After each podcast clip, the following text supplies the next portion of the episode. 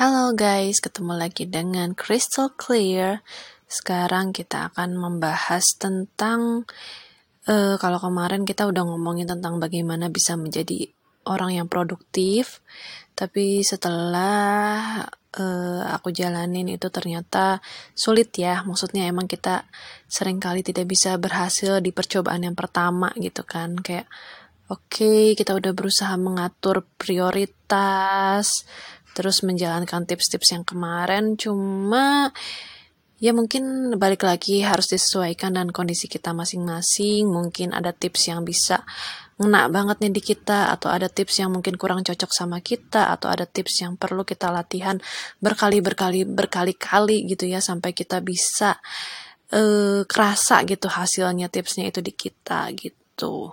Jadi sekarang sebagai usaha untuk gimana caranya biar bisa produk produktif, uh, aku akan share beberapa tips lagi uh, untuk bisa menjadi orang yang produktif di sela-sela kesibukan kita yang anggaplah padat gitu ya. Atau kalau misalkan kita nggak padat pun mungkin kita ada masalah tersendiri kayak misalkan kita sedang uh, ya itu kembali lagi ya kayak depresi atau sedih atau turun motivasi gitu ya jadi walaupun kita nggak sibuk tapi kita kayak bingung harus gimana ini kita biar bisa jadi orang yang produktif gitu nah itulah tips-tips yang akan kita bahas sekarang gimana biar kita at least be a better person gitu ya oke okay. Jadi sebelum masuk ke dalam tipsnya, aku akan kayak sedikit uh, cerita dulu. Uh, jadi beberapa hari atau sekitar seminggu dua minggu belakangan ini aku tuh lagi ngerasa kayak apa ya kayak hmm, benar-benar mumet banget bukan cuma pikiran biasanya kan kayak aku tuh banyak pikiran jadi mumet gitu ya bingung harus gimana dan ini ditambah kayak uh, menyadari suatu realitas yang mana kayak aduh kayaknya aku salah jalan nih gitu dalam mentrit anak-anak khususku ini gitu. Jadi kayak anak khususku ini kan dilema ya dia kayak sekolah tapi nggak sebenarnya nggak mampu kecap dengan materi-materi sekolahnya kayak dari 30 misalkan kayak ujian akhir nih sekarang lagi ujian akhir semester 1 gitu kan.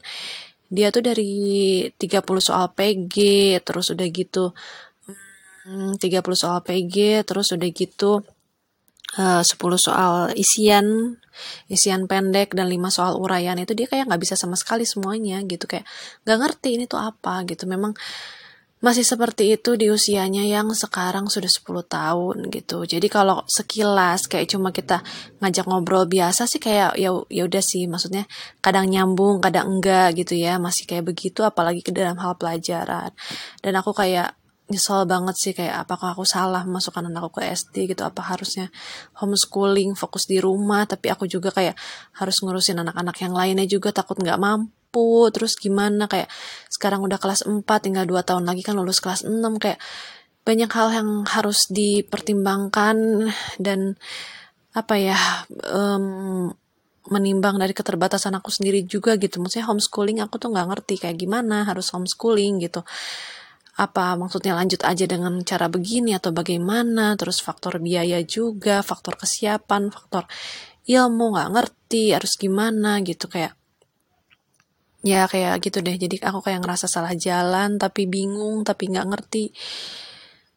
Dan itu benar-benar bikin down sih. Jadi kayak uh, mem membersamai anak khususku ini yang si Rio ini yang udah 10 tahun ini uh, belajar itu ya Allah sedih banget gitu kayak kayak dia tuh nggak ngerti sama sekali gitu. Ada satu soal pun dia nggak ngerti ini apa gitu. Dan sementara dia kayak wasting time dengan sekolahnya terus aku tuh gimana? Apakah aku harus cut di kelas 4 SD ini? Harus atau harus bagaimana? Gitu. Bingung banget. Ya gitu deh. Jadi itu latar belakang yang melatar belakangi podcast kali ini. Maksudnya kayak aku tuh pengennya uh, bisa figure it out gitu ya. Mungkin nggak bisa langkah yang drastis atau mungkin harus langkah yang drastis. Yang jelas uh, diriku sendiri itu harus berubah dulu gitu ya menjadi orang yang lebih let's say lebih kuat, lebih tough lagi, lebih ya banyak belajar lagi lah gitu biar bisa uh, sedikit-sedikit atau ya biar bisa menghadapi ini gitu kayak harus gimana dan bisa yakin dengan langkah yang aku tempuh gitu ya gitu. Oke, jadi itu latar belakangnya sekilas ya. Sorry kalau panjang. Nah, jadi berlatar dari situ tuh aku tuh bener-bener kayak lagi ngedown banget, lagi sedih banget sedikit-sedikit menghadapi ya menghadapi segala masalah permasalahan tentang anak khusus ini membuatku sangat ngedown, sering nangis, sering capek lah capek karena kita capek secara hati gitu ya, secara perasaan jadi ke semuanya capek, capek fisik, capek kayak udah-udah nggak ada masalah lain lagi tuh udah error error kembali error lagi. Error tuh kalau error tuh dalam artian udah kayak nggak bisa ngapa-ngapain. Tugas harian ha, tugas harian juga kayak jadi kayak e, melambat lagi. Kadang ada yang kelupaan dikerjain ya udah udah bingung udah error udah nggak jalan lah gitu tugas harian gitu ya jadi begitu. Jadi aku akan mencoba untuk apa ya? Eh ya gitu. Jadi kayak kalau kita nunggu mood kita baik dulu baru kita happy baru kita bahagia baru kita punya tenaga untuk merawat anak-anak kita mau sampai kapan gitu kan? Kayak gitu. Mau sampai kapan kita bergelut dengan diri sendiri yang yang rumit ini yang stuck ini yang struggle ini gitu kan?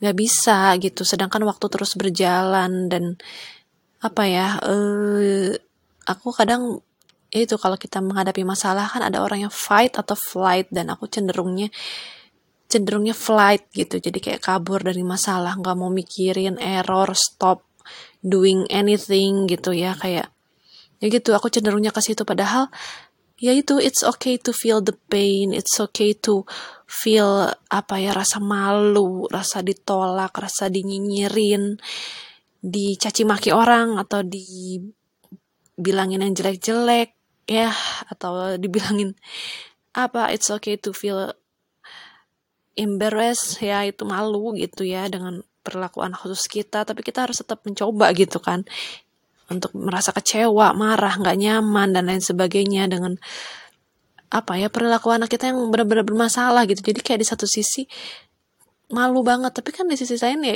kita orang tuanya siapa lagi yang bisa ngetrit yang bisa melatih mereka? Kalau bukan kita melatih mereka untuk bisa keluar dari apa ya dunia mereka sendiri untuk memperkenalkan dunia luar walaupun kita juga malu gitu kan dan perilaku anak kita yang kadang ya begitulah kalau uh, orang tua yang punya anak khusus ya mungkin tahu ber, segimana segimana beratnya hal itu. Karena sampai kalau misalkan di film itu kan sampai banyak yang kayak kayak keluarganya dari anak khusus tuh kayak decide to end end their life gitu. Because of ya itu mereka sangat merasa desperate gitu kayak udah gimana gitu ya udah kayak bingung banget gitu. Nah anyway jadi ya gitu. Jadi uh, aku harus apa ya merubah mindset. Jangan flight terus jangan flight terus jangan macet terus jangan lemah terus. Kayak ayo terus terus coba terus coba fokus ke apa ya kalau kamu ngerasa kamu bodoh gitu kurang ilmu gitu ya dalam hal anak khusus ini gitu. Kayak kurang kurang ngerti harus bagaimana gitu ya memperlakukan anak ini. Ya itu kalau kita nggak if we if we think that we are not smart enough be diligent. Kayak ya udah harus rajin harus rajin harus ulet. Coba lagi coba lagi coba lagi coba lagi. Kayak kayak jatuh eh, tujuh kali ya bangunnya delapan kali gitu kan. Kayak kita gagal gagal gagal. Ya udah terus aja coba sampai satu juta kali kalau perlu gitu ya tunjukkan keuletan kita. Ya trial error mau nggak mau karena kita mungkin kurang ilmunya kurang tenaganya kurang pengetahuannya kurang uh, kontrol emosi kita. Namanya kita juga belajar gitu ya mempunyai anak khusus ini gitu. Kita nggak nggak dididik misalkan jadi S1 lulusan anak khusus gitu S2 lulusan lulusan anak khusus walaupun kalaupun gitu ya kita lulusan dari S1 S2 anak khusus juga prakteknya juga belum tentu gitu kan. Kayak kita jago teori belum tentu kita jago prakteknya. Jadi kayak praktek itu ya itu emang kita harus merasakan kesakitan untuk merasakan kesedihan merasakan marah mungkin kecewa yang berkali-kali berpuluh-puluh kali beribu-ribu kali berjuta-juta kali. Kayak ngerasa nggak nyaman keluar dari zona nyaman kita over and over and over again. Kita ngerasa babak belur ya memang begitu gitu. Kayak kita kayak kita melatih otot kita gitu kan otot kita yang tadinya mungkin lemah gombior-gombior. Gimana biar bisa kuat ya? Bukan dengan cara tiduran enak-enak leha-leha. Ya kita harus berjalan. Dari berjalan kadang berlari kadang berlari kadang latihan beban gitu kan kadang latihan apa gitu yang membuat kita kayak wah kalau pas kita lagi latihan tuh aku nggak sanggup aku nggak bisa aku nggak bisa menjalani semua ini sampai kayak gitu gitu. Ya itulah latihan yang harus menempa kita gitu. Jadi it's okay jangan fight terus fight lagi. Nggak kuat istirahat. Nanti fight lagi. Nggak kuat istirahat fight lagi. Sering-sering fight biar jatah satu juta kalinya itu bisa cepet terlewati dan kita bisa melihat secerca harapan gitu setelah kita melakukan itu. Fighting semangat gitu ya. Ya itu. Jadi uh, harus semangat lagi nggak apa-apa it's okay to feel the pain over and over again keep on trying. It's okay to be apa ya to make mistake as long as we learn from that kayak ya udah nggak apa-apa kita salah lagi salah lagi. Namanya juga kita nggak ngerti mungkin atau kita memang kurang kurang sabar kita kurang telaten kita kurang tenaga kita kurang manage diri kita masih males lah atau apa gitu. Nggak apa-apa salah ya udah kita nggak usah terlalu dipikirin. Yang penting kita oke okay, kita ambil pelajarannya udah kita lakuin lagi besok Nah, udah malam kita istirahat, besok kita berjuang lagi. Malam istirahat, besok kita berjuang lagi. Yang tentunya kita juga harus menurunkan ekspektasi kita ya, karena ya gitu idealnya mungkin kayak anak-anak kita harusnya di dipondokin lah gitu ya, jadi biar jadi benar. Tapi kan biayanya juga banyak dan itu masih merupakan pertimbangan untuk sampai saat ini dan kita harus tetap berjuang gitu kayak ya memang e, di satu sisi waktu terus berjalan dan anak kita harus berkembang gitu gimana gitu kan ya itu harus kita pikirkan sambil kita terus berjalan. E, jadi apa visionernya ada planning ke depannya ada memikirkan masa depannya ada tapi menjalani momen-momen setiap harinya ini ya kita harus tetap fight juga gitu melatih anak-anak kita semampu kita kondisi kita sekarang kayak gimana kita try to do the best sesuai dengan kondisi kita. Mungkin kita ada keterbatasan tapi kita setiap hari harus berjuang demi anak-anak kita kayak gitu.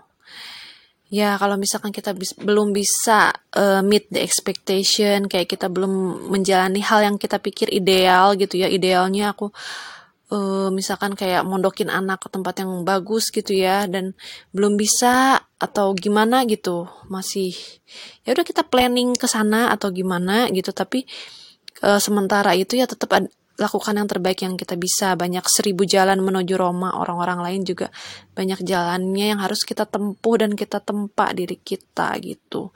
Fokus lagi kembalikan luruskan niat kita lagi untuk membersamai anak-anak kita fokus pada dua hal itu ya yang kayak menciptakan habit baik bagi mereka dan menciptakan kenangan baik bagi mereka which is kita juga harus jadi habit baik untuk kita diri kita dulu ya biar kita bisa mengatur anak-anak kita dengan lebih baik lagi dan mentreat mereka dengan lebih baik lagi. Kayak fokus luruskan niat over and over again and again gitu.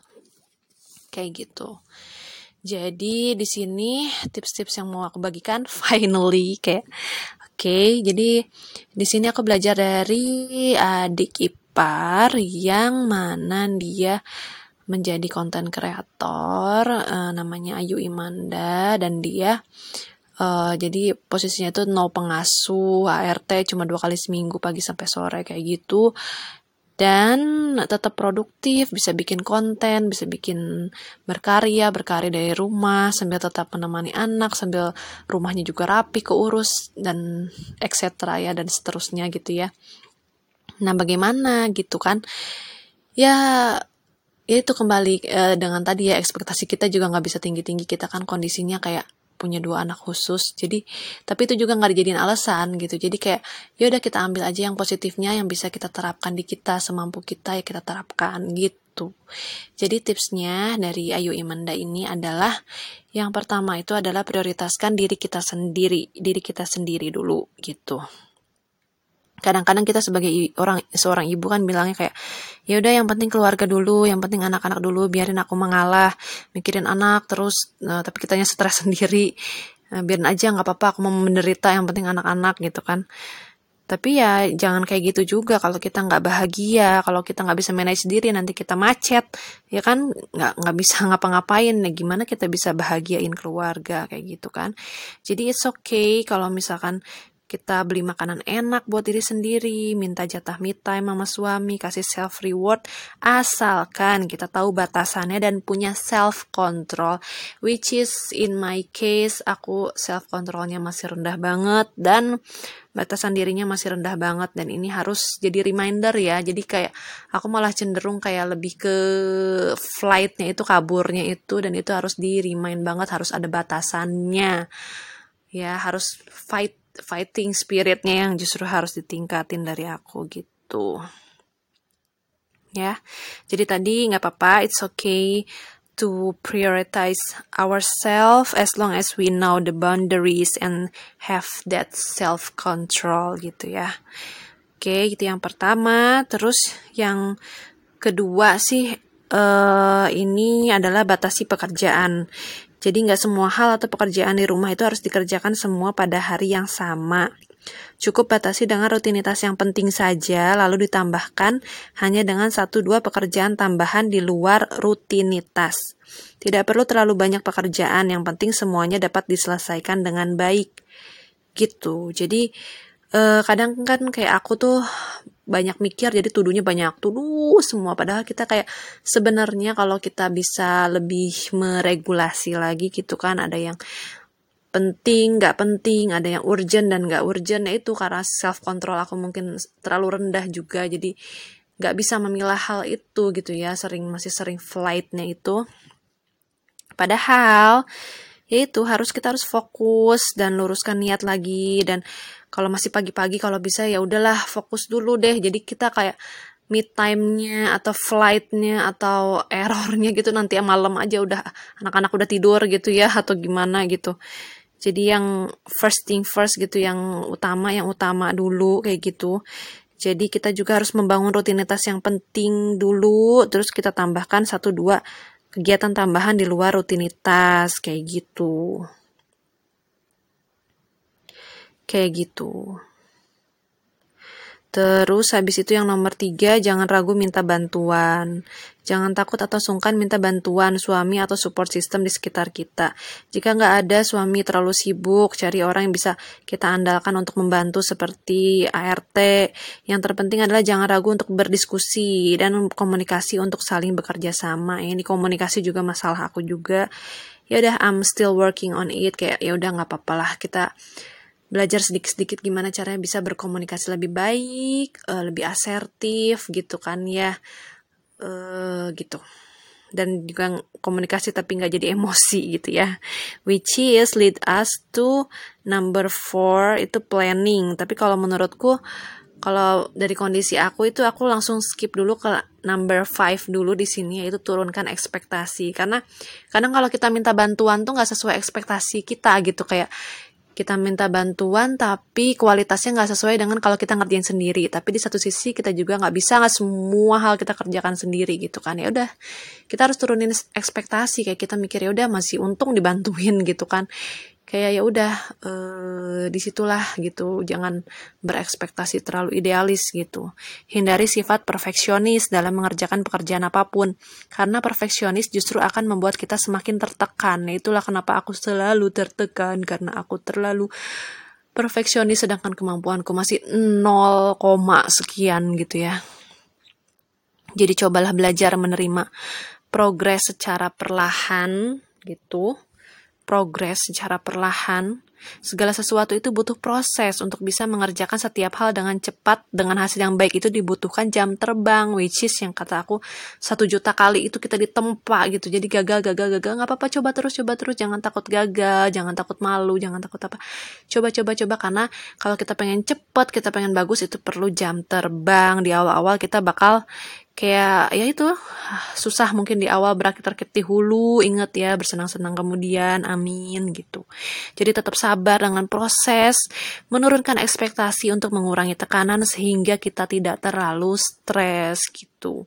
Oke jadi tadi dari nomor tiga jangan ragu minta bantuan aku skip tadi langsung loncat ke nomor lima itu ya turunkan ekspektasi.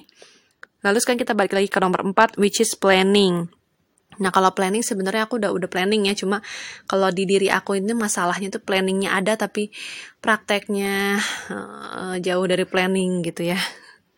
Jadi kalau di planning ini rencanakan dahulu hal-hal yang sekiranya bisa menguras banyak pikiran seperti memikirkan menu masakan, memikirkan ide konten dan lain-lain.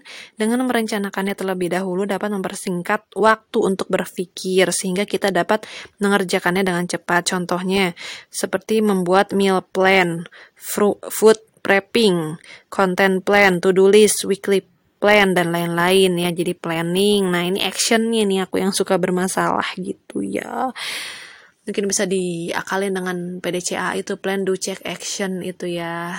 Harus luruskan niat fokus fokus dan yang terakhir ada nomor 6 cut off dari hal toksik kalau ada seseorang ataupun hal-hal yang hanya membebani membebani pikiran dan emosi kita lebih baik menghindar atau jauhi aja. Yaitu juga aku sebenarnya udah praktekin ya kayak misalkan orang-orang yang nyinyir atau apa ya ya sebisa mungkin dihindari aja. Nggak usah banyak bergosip nggak usah banyak apa gitu ya cincong gitu. Kita juga ya itulah. Jangan banyak uh, menghindari. Jadi better menghindari hal toksik toksik ya. Jangan sampai hal-hal yang tidak baik menguras tenaga, waktu, dan emosi kita hingga kita menjadi tidak bisa fokus mengerjakan hal-hal yang produktif. Cut off ini berlaku juga untuk hal-hal yang menghambat produktivitas seperti scrolling sosmed terlalu lama, nonton drakon, drakor atau main game yang terlalu berlebihan. Nah, itu dia. Lahannya aku masih berkutat di situ iya.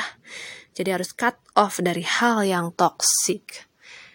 Oke, jadi begitulah tips untuk hari ini. Kalau nggak salah di, di tipsnya itu sebenarnya Ayu juga bilang itu yang kayak apa ya, yang kayak planning atau apa gitu ya. Jadi kayak misalkan ada cucian banyak kita bagi-bagi gitu. Misalkan ada cucian untuk uh, apa namanya hmm, yang penting tuh kayak baju seragam gitu kan baju kerja ya kan ada baju-baju yang kayak buat di rumah mah nanti lagi gitu. Jadi kayak kita kotak-kotakin gitu. Misalkan setrikaan juga setrika baju anak setrika setrika baju kita setrika baju apa dibagi di dibagi-bagi lagi menjadi pekerjaan yang kecil. Sehingga kalau misalkan e, baru ngerjain yang anak terus nggak beres e, keburu anak nangis misalkan atau ada hal apa ya udah kita kerjain besoknya lagi aja. Kita turunkan ekspektasi kayak gitu.